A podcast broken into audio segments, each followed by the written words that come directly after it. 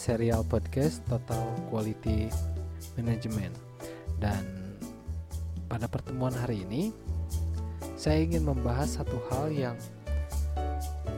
Biasa kita lakukan sehari-hari Yang sudah sangat biasa kita lakukan di berbagai tempat Tetapi kali ini kita akan bawa scope itu ke dalam level perusahaan. Dan tentu masih ada kaitannya dengan dua pertemuan sebelumnya yaitu mengenai uh, kepemimpinan dan juga mengenai pemberdayaan karyawan. Hari ini kita akan membahas mengenai proses pengambilan keputusan dan pemecahan masalah. Kita bisa melihat kaitannya ya yang pertama, tentu tidak mungkin adanya keputusan tanpa ada kepemimpinan. Anggaplah suatu perusahaan atau sedang mengalami suatu masalah lalu dihadapkan dua pilihan A dan B tetapi karena tidak ada pemimpin ya akhirnya perusahaan itu tidak bisa memilih apakah ke A atau ke B jadi ya mereka mungkin akan terus Eh, berada dalam masalah itu dan pengambilan keputusan di dalam TKM itu harus melibatkan karyawan. Nah dan melibatkan karyawan juga harus ada kepemimpinan yang kuat. Jadi ini setali tiga uang gitu. Tidak bisa dipisahkan antara kepemimpinan terus pelibatan karyawan dan ujung-ujungnya adalah pengambilan keputusan. Karena seperti yang disebutkan pada materi pelibatan karyawan bahwa karyawan ini tidak hanya sebagai mesin produksi tidak hanya datang untuk mengejar mengerjakan job desknya saja tetapi dia juga diberdayakan dia diminta kemampuannya untuk memberikan atau memecahkan masalah-masalah atau memberikan porsi pada proses pengambilan keputusan di dalam sebuah perusahaan. Dan ya kalau kita berbicara kehidupan sehari-hari, pengambilan keputusan ini sudah sering dilakukan oleh kita gitu. Mulai dari hari ini saya mau tidur lagi atau lanjut kerja, hari ini saya mau tidur aja atau lanjut kuliah, itu adalah keputusan. Hari ini saya mau mandi dulu atau enggak, hari ini saya harus berangkat jam berapa, hari ini saya mau masak untuk suami apa, hari ini saya mau pakai baju yang mana, itu adalah proses pengambilan keputusan dan kita terbiasa melakukan itu. Dan kalau ada yang pernah ber membaca atau pernah memperdalam soal proses pengambilan keputusan pada konsumen ya prosesnya kurang lebih sama seperti itu mulai dari pengenalan kebutuhan dan lain sebagainya melakukan analisis tetapi uh, itu lambat laun akhirnya proses itu bisa dipersingkat sih hingga ukuran milisecond mungkin sampai tidak tidak terasa lagi gitu. Ketika oh saya harus bangun saya harus kerja. Itu adalah pengambilan keputusan tanpa dia harus mikir-mikir dulu. Oh sekarang saya harus pakai baju ini nih karena di kantor seragamnya lagi ini. Oh sekarang saya harus kuliah karena kuliah sedang ada tugas dan lain sebagainya seiring kita sering melakukan pekerjaan itu maka proses keputusan pun akan menjadi lebih cepat tetapi beda soal kalau misalkan masalahnya itu baru atau mungkin sesuatu yang uh, bisa berdampak besar maka prosesnya akan menjadi panjang.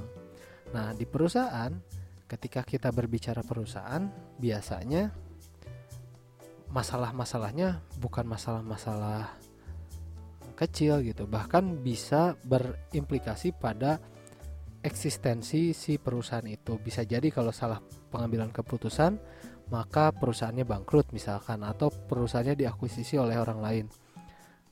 Atau mungkin perusahaannya bisa jadi malah mendapatkan tuntutan hukum dari orang lain. Karena pasti ini sesuatu yang besar. Jadi tidak mungkin prosesnya akan sesingkat itu sesingkat kita mau pakai baju warna apa atau sesingkat kita mau makan pakai apa jadi prosesnya adalah yang uh, panjang Nah, sebelum kita melangkah lebih jauh, tentu kita juga harus mendefinisikan dulu nih biar punya kesepahaman dulu. Kira-kira yang dinamakan pengambilan keputusan itu apa sih gitu ya. Saya sebetulnya tidak suka harus selalu seragam. Eh, semua orang harus selalu sama definisinya. Tentu masing-masing berhak mencari definisi yang lain mengenai pengambilan keputusan ini, tetapi secara umum pengambilan keputusan ini dapat diartikan sebagai proses memilih suatu tindakan dari beberapa alternatif yang tersedia. Minimal dua sih ya kalau kita berbicara alternatif. Kenapa biasanya alternatifnya alternatifnya itu melakukan atau tidak? Itu juga kan udah dua. A atau tidak sama sekali itu adalah dua alternatif. Jadi pengambilan keputusan adalah memilih suatu rangkaian tindakan dari beberapa pilihan alternatif. Itu biasanya sih dua. Nah kalau definisi secara teoritisnya tentu masing-masing boleh memilih mau berdasarkan siapa nih berdasarkan si A, si B, si C silahkan. Dan kenapa selama di podcast saya saya tidak atau mungkin jarang menyebutkan bahwa menurut si A menurut si B ya memang salah satunya adalah untuk merangsang buat mencari lagi. Karena bagaimanapun juga sebagai insan akademis ketika nanti kita katakanlah ada yang mau membuat skripsi atau apa maka uh, daftar pustaka atau referensi-referensi yang seperti itu kan harus dicari dan saya ingin membiasakan untuk uh, semuanya ya kasarnya sih tidak dihuapan wae gitu. Silahkan mencari sendiri dan itu banyak. Jadi itu tadi secara garis besarnya tentu banyak ahli yang memiliki pendapat yang lebih katakanlah dari bahasa lebih kompleks atau lebih uh, komprehensif tetapi intinya adalah itu memilih suatu rangkaian tindakan dari beberapa alternatif nah berbicara lebih lanjut mengenai pengambilan keputusan biasanya ini berkaitan juga dengan pemecahan masalah. Karena bagaimanapun juga kenapa kita harus mengambil keputusan? Pasti ada sesuatu yang terjadi. Nah ada masalah yang terjadi. Saya secara pribadi ini kurang menyukai kalimat uh, pemecahan masalah karena kalau saya merasakan bahwa masalah itu tidak pernah ada tentu ini hanya masalah paradigma gitu ya. Ini hanya paradigma saja tuh. Saya mengatakan masalah itu tidak ada tapi barusan juga saya mengatakan ini hanyalah masalah paradigma oke. Okay. masalah kalau dikatakan problem menurut paradigma saya pribadi ini saya tidak mengatakan bahwa segala sesuatu itu e, masalah tetapi itu adalah kondisi dan kita yang harus bisa memperbaikinya atau bisa e, meningkatkannya. Jadi itu kalau dari pandangan pribadi saya, tetapi tentu kalau di dalam pandangan teori uh, manajemen kita boleh-boleh saja kita menggunakan istilah uh, masalah gitu ya, bahkan memang begitu. Skripsi juga diawali dengan uh, masalah. Nah, pengambilan keputusan ini memang erat dengan kaitannya dengan yang namanya uh, pemecahan masalah ada satu masalah, ada satu problem, lalu dibutuhkan jalan keluarnya dan yang terjadi adalah jalan keluarnya itu ada banyak. Ada A, ada B, ada C dan kita harus memilih satu dari tiga itu misalkan. Nah, di situlah muncul yang namanya pengambilan keputusan. Saya ingin mengambil mana? A atau B atau C. Tapi kalau misalkan way outnya atau jalan keluarnya cuma satu ya mungkin tidak perlu mengambil keputusan masuk aja atau bisa jadi juga perlu antara saya harus ambil itu atau tidak sama sekali kurang lebih seperti itu nah jadi kita juga harus tahu dulu elemen dari pengambilan keputusan ini kenapa sih seseorang uh, harus mengambil keputusan.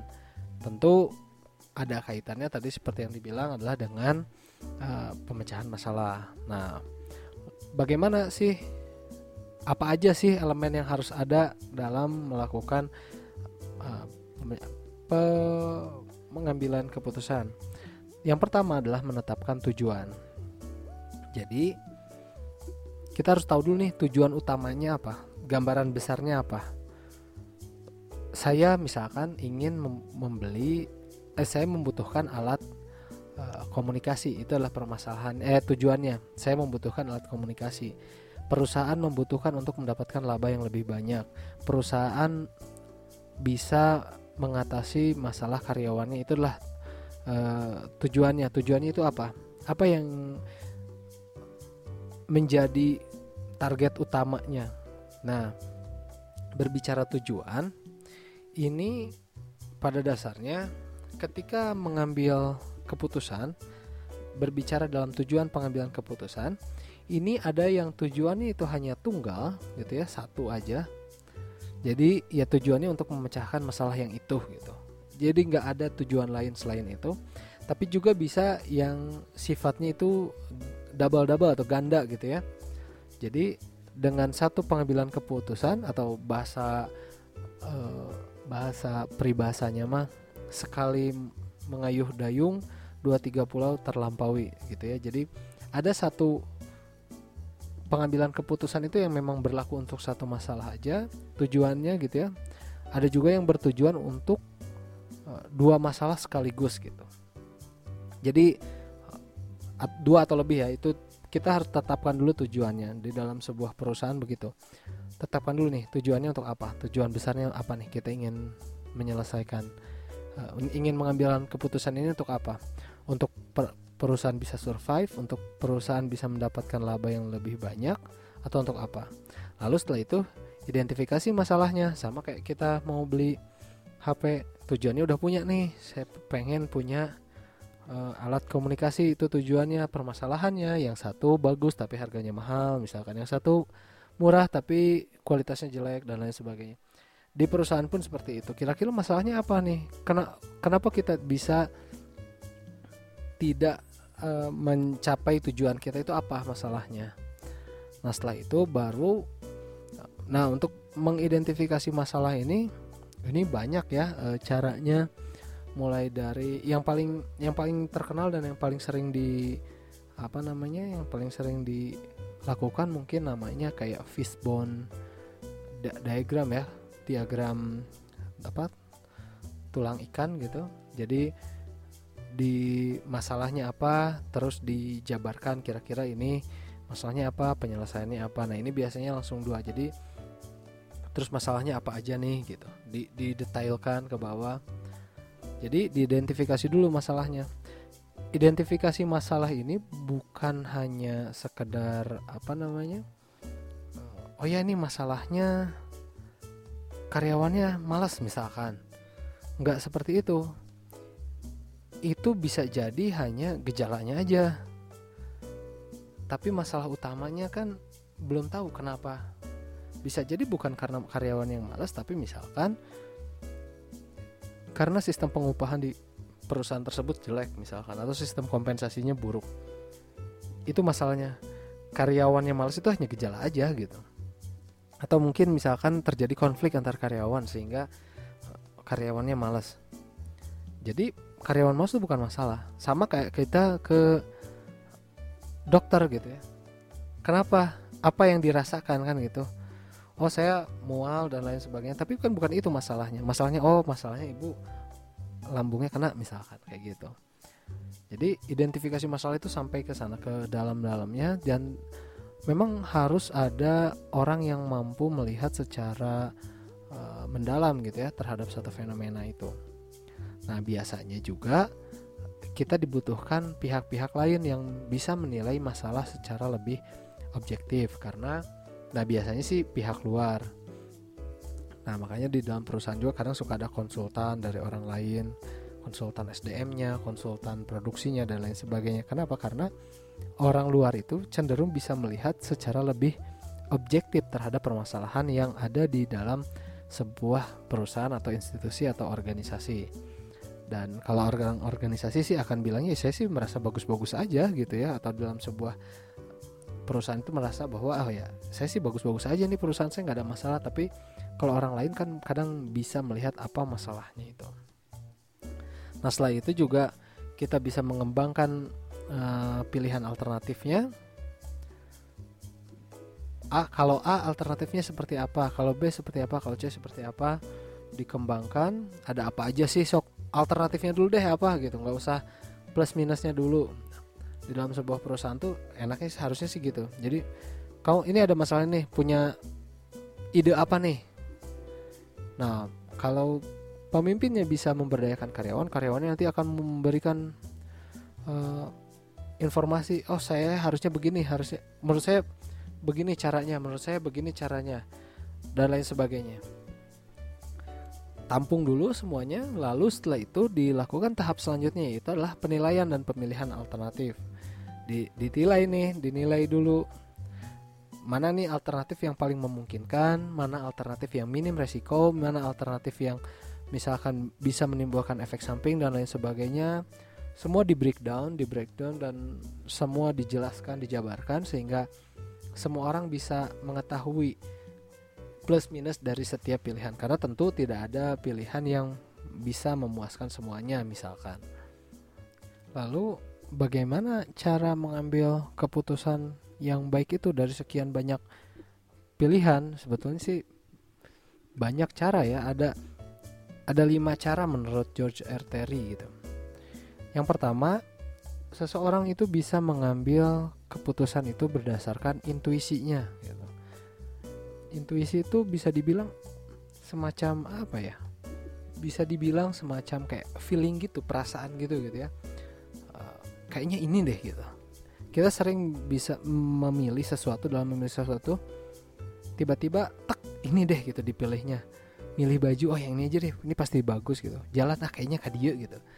Ya bahasa kita mungkin feeling gitu ya. Cuman ketika berbicara intuisi ini sebetulnya tidak hanya perasaan tetapi dia juga dibentuk oleh yang namanya pengalaman. Sehingga kadang gini kalau kita sering melakukan katakanlah pedagang kalau pedagang yang sudah mahir dia jualan dia sudah banyak pengalaman ketika ada yang menawari oke okay, mau bisnis ini enggak gitu dia tanpa harus menghitung untung rugi pakai data keuangan, analisis keuangan dan lain sebagainya dia udah tahu ini kayaknya nggak bakalan benar nih bisnisnya, maka dia akan dengan cepat menolak.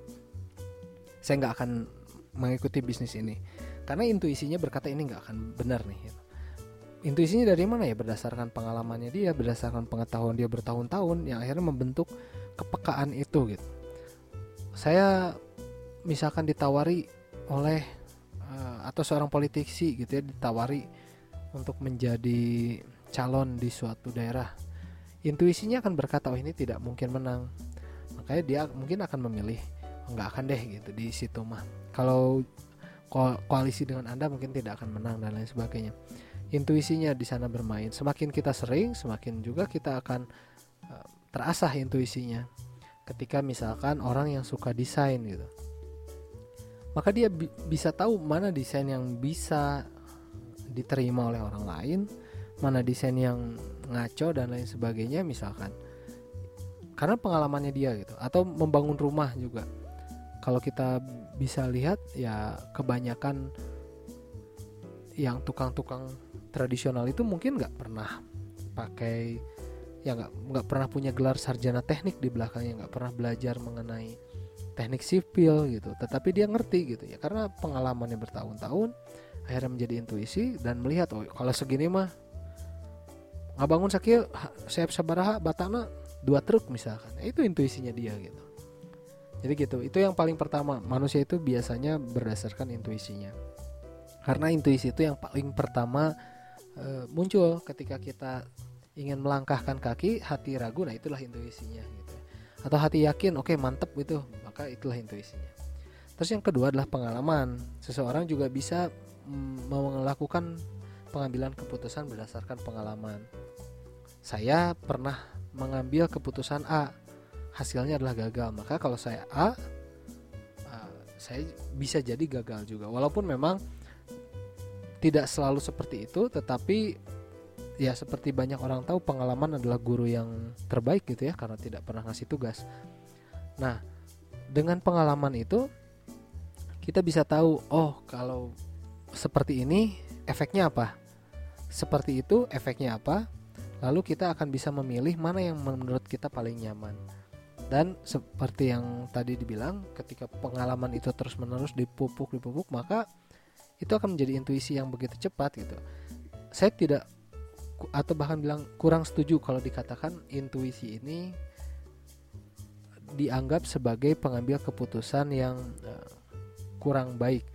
Kenapa? Ya karena menurut saya tergantung siapa yang melakukannya. Kalau misalkan para master gitu ya, para master uh, apa pemasaran dan lain sebagainya yang memang sudah ahli di bidangnya, justru intuisinya adalah yang terbaik kalau menurut saya. Tetapi dan yang saintifis yang selalu pakai data dan lain sebagainya juga belum tentu. Apalagi prosesnya kan mesti lama. Kalau intuisi kan truk hitungan detik ya udah udah keluar hasilnya gitu.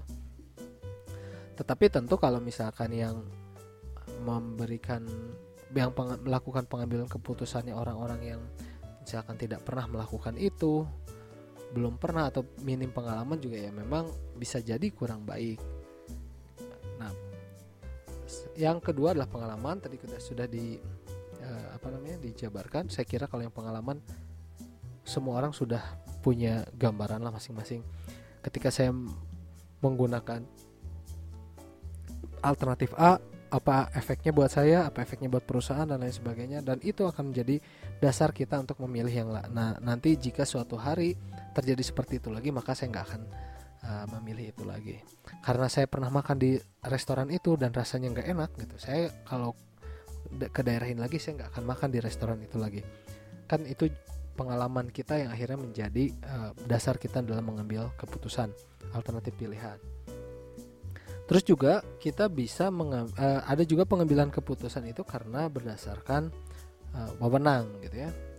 Nah yang ini memang bisa dibilang sangat uh, kalau menurut saya ini yang kurang yang kurang uh, baik gitu ya. Kenapa?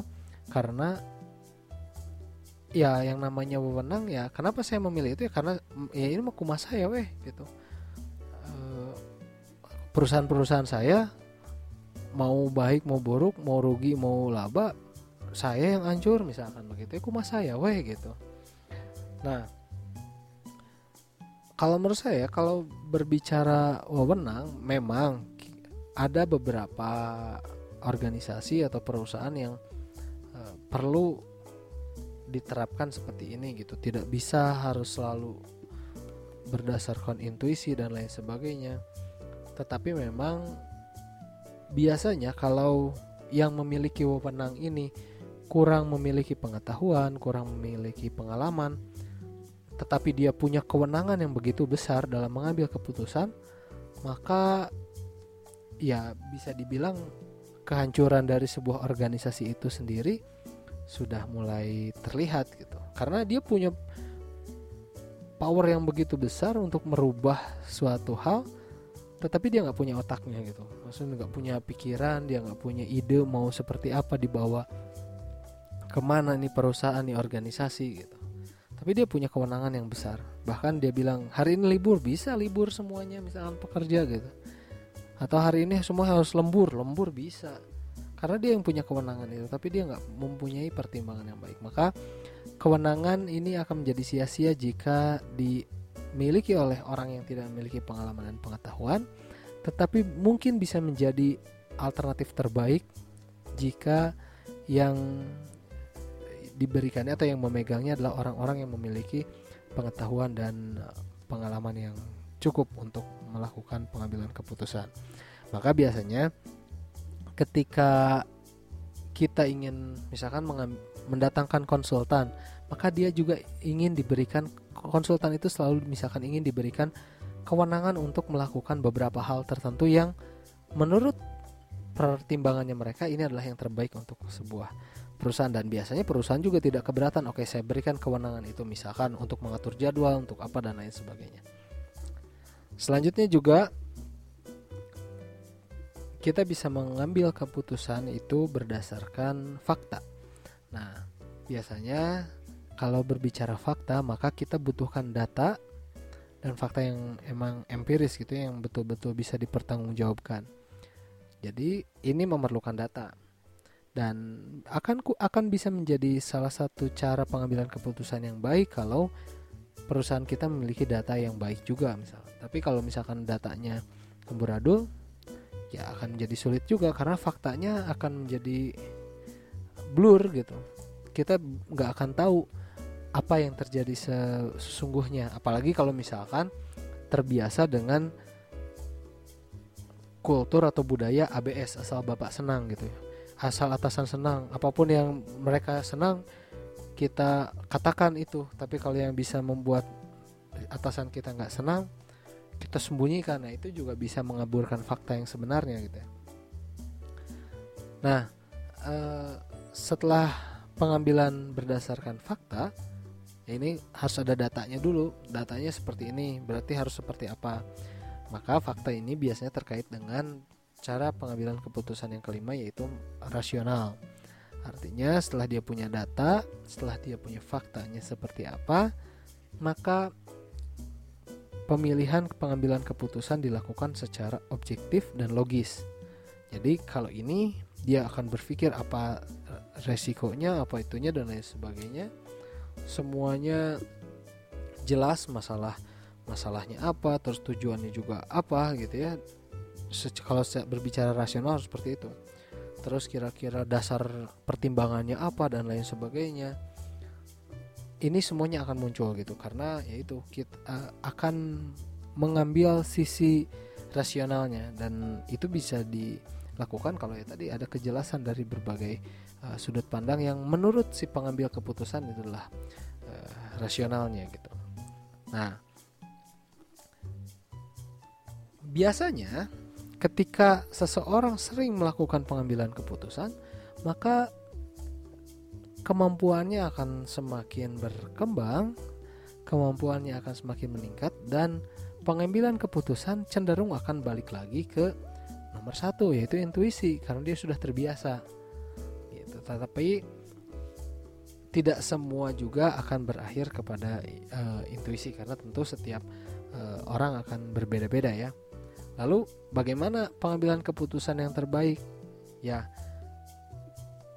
semuanya bisa dilakukan ter, tergantung uh, orangnya seperti apa. Kalau merasa saya punya banyak pengalaman di hal itu di bidang itu, lalu saya cukup pakai intuisi saya aja ya sah-sah aja. Di, bahkan di dalam sebuah perusahaan pun ya sah-sah aja atau di dalam sebuah bernegara pun atau pas lagi perang pun misalkan ya sah-sah aja. Bahkan jenderal itu ya intuisinya harus tajam misalkan. Karena kalau misalkan nggak begitu sekarang mau perang katakanlah harus tunggu dulu datanya dari sana berapa data tentaranya jumlah pelurunya misalkan. Lama gitu keburu diserang. Justru dia harus bisa melihat secara cepat menilai secara cepat tapi bukan hanya cepat tapi juga tepat gitu. Kira-kira harus melakukan seperti A B C dan D.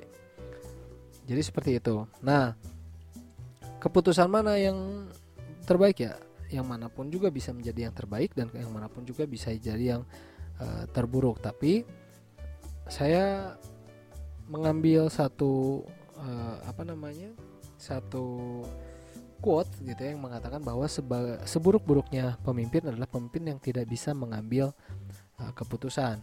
Artinya ketika di dalam sebuah organisasi pemimpin itu tidak bisa mengambil keputusan, harus A harus B harus C maka sebetulnya itulah seburuk-buruknya keputusan. Walaupun berdiam diri juga sebetulnya adalah keputusan. Misalkan saya tidak memilih itu adalah pilihan saya. Maka selanjutnya setelah melakukan penilaian dan pemilihan alternatif pilih itu ya pemutus apa keputusan selanjutnya adalah tentu harus dijalankan keputusan itu. Jangan sampai udah rapat satu minggu satu, satu minggu full gitu ya tetapi akhirnya keputusannya tidak diambil ya buat apa juga gitu. Jadi setelah memilih dan menilai sebuah pilihan, maka laksanakanlah pilihan itu. Silahkan jalankan. Kira-kira uh, setelah berjalan berapa waktu, maka lakukanlah evaluasi. Apakah keputusan itu memang betul atau uh, harus diganti keputusannya? Karena tidak ada satu kepastian bahwa kalau melakukan ini pasti A tentu banyak variabelnya. Uh, dan harus di harus selalu dievaluasi. Apalagi kalau kita berbicara TKM misalkan TKM itu adalah ya terus menerus gitu. Evaluasi itu bukan berarti harus selalu yang jelek bahwa ini tuh jelek enggak. Ini sudah bagus tetapi untuk masa depan kurang bagus pun itu harus dievaluasi.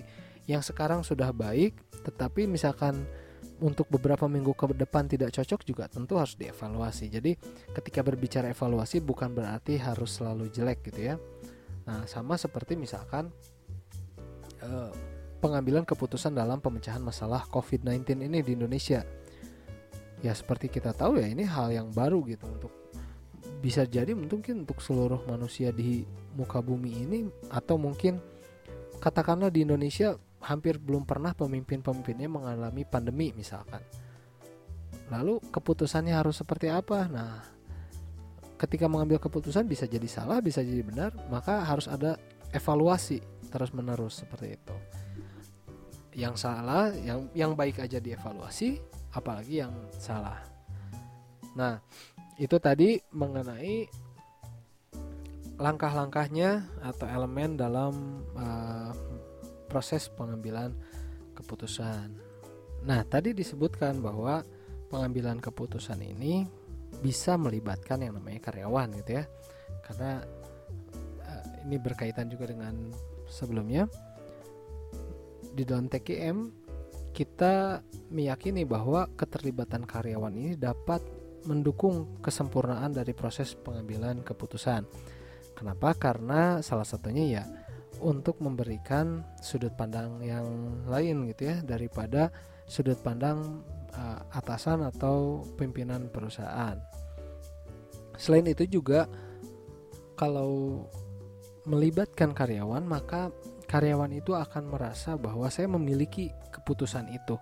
Maksudnya gini, ketika keputusan itu berimplikasi pada karyawan secara langsung, misalkan merubah jadwal piket, merubah jadwal eh, apa kerjanya dia atau merubah posisi kerja dia dia kalau tidak dilibatkan dia akan sedikit ngedumel gitu mungkin di dalam hatinya bahwa loh nah saya jadi kio nah saya jadi uh, ketempuhan buntut mau mungkin istilahnya gitu ya. Karena dia tidak dilibatkan tetapi karena dia dilibatkan dia tahu prosesnya dia tahu apa pertimbangannya memilih itu maka ketika ada satu keputusan yang berimplikasi pada dirinya dia akan merasa oh ya ini adalah keputusan saya gitu. Saya saya tahu proses keputusan ini walaupun mungkin berat tapi saya harus melakukan itu. Jadi akan mempermudah bagi se, se, seorang karyawan untuk uh, melakukan perubahan karena dia merasa memiliki uh, proses itu. Terus yang selanjutnya juga tadi ya dengan dilibatkannya karyawan nah, tentu akan dapat dengan mudah seorang uh, perusahaan ini bukan seorang maksudnya manajer dari perusahaan ini atau pimpinan dari perusahaan ini untuk melihat gambaran yang lebih utuh gitu. Karena kalau kita lagi sama seperti misalkan kalau kita naik pesawat kita melihat ke bawah ya gambarannya kecil aja gitu nggak kelihatan ada apa di bawah teh gitu tapi kita bisa melihat dengan jelas misalkan awan dan lain sebagainya. Tapi kalau yang di bawah kita bisa tahu tuh ada pesawat tapi kecil nggak kelihatan. Tapi kita bisa melihat di dataran itu ada apa aja gitu. Nah artinya memang setiap orang itu sudut pandangnya itu selalu terbatas oleh beberapa hal. Ketika ini digabungkan maka bisa melengkapi. Jangan yang atas tahunya dari atas sudut pandang atas terus yang bawah tahunya dari sudut pandang bawah terus ketika itu dikombinasikan maka gambarannya akan menjadi lebih uh, detail gambarannya akan menjadi lebih akurat dan tentu akan berimplikasi pada pemilihan yang atau pengambilan keputusan yang lebih baik lagi karena infonya komprehensif gitu dibandingkan dari hanya dari sudut satu sudut pandang saja. Selain memberikan gambaran utuh, tentu juga bisa memberikan uh, evaluasi yang detail juga gitu. Nah, evaluasi nanti karyawan juga bisa memberikan evaluasi dari sudut pandangnya dia gitu. Atasan juga bisa memberikan evaluasi dari sudut pandang itu. Jadi akan lebih detail juga gitu ketika melakukan evaluasi sudut pandangnya akan menjadi lebih luas sehingga itu tadi uh, apa namanya pentingnya dalam pelibatan karyawan tapi tentu ini hanya bisa dilakukan sekali lagi kalau pemimpinnya memang bisa memimpin untuk membuat karyawannya uh, terlibat gitu ya. Nah tentu ya kita bisa sudah pernah membahas itu tentang uh, pelibatan karyawan jadi mungkin sudah cukup difahami juga gitu ya apa benefitnya bagi perusahaan ketika si perusahaan melibatkan karyawan dalam proses pengambilan keputusan. Nah, tetapi memang tidak melulu baik gitu. Tentu ada nilai yang harus diantisipasinya yaitu apa? Yang pertama, prosesnya pasti akan menjadi lebih panjang. Nah, ini mungkin harus disiasati oleh sebuah perusahaan mana keputusan yang bisa diambil melalui proses pelibatan karyawan, mana juga proses yang memang harus diambil oleh uh, langkah oleh sendiri oleh pimpinan. Maka yang selalu saya bilang bahwa kepemimpinan terbaik itu tidak harus selalu demokratis gitu. Sekali-kali dia mengambil keputusan sendiri juga memang uh, diperlukan gitu ya. Karena tidak tidak setiap apa namanya tidak setiap masalah itu perlu dijabarkan bersama-sama atau mungkin tidak setiap masalah itu memiliki waktu yang panjang untuk diselesaikan. Kadang dia membutuhkan waktu yang cepat dan itu hanya bisa dilakukan oleh sendiri. Itu tadi ya melibatkan karyawan ini ah, tentu prosesnya akan menjadi lebih panjang. Terus juga dia bisa menyebabkan karyawan meninggalkan pos kerjanya.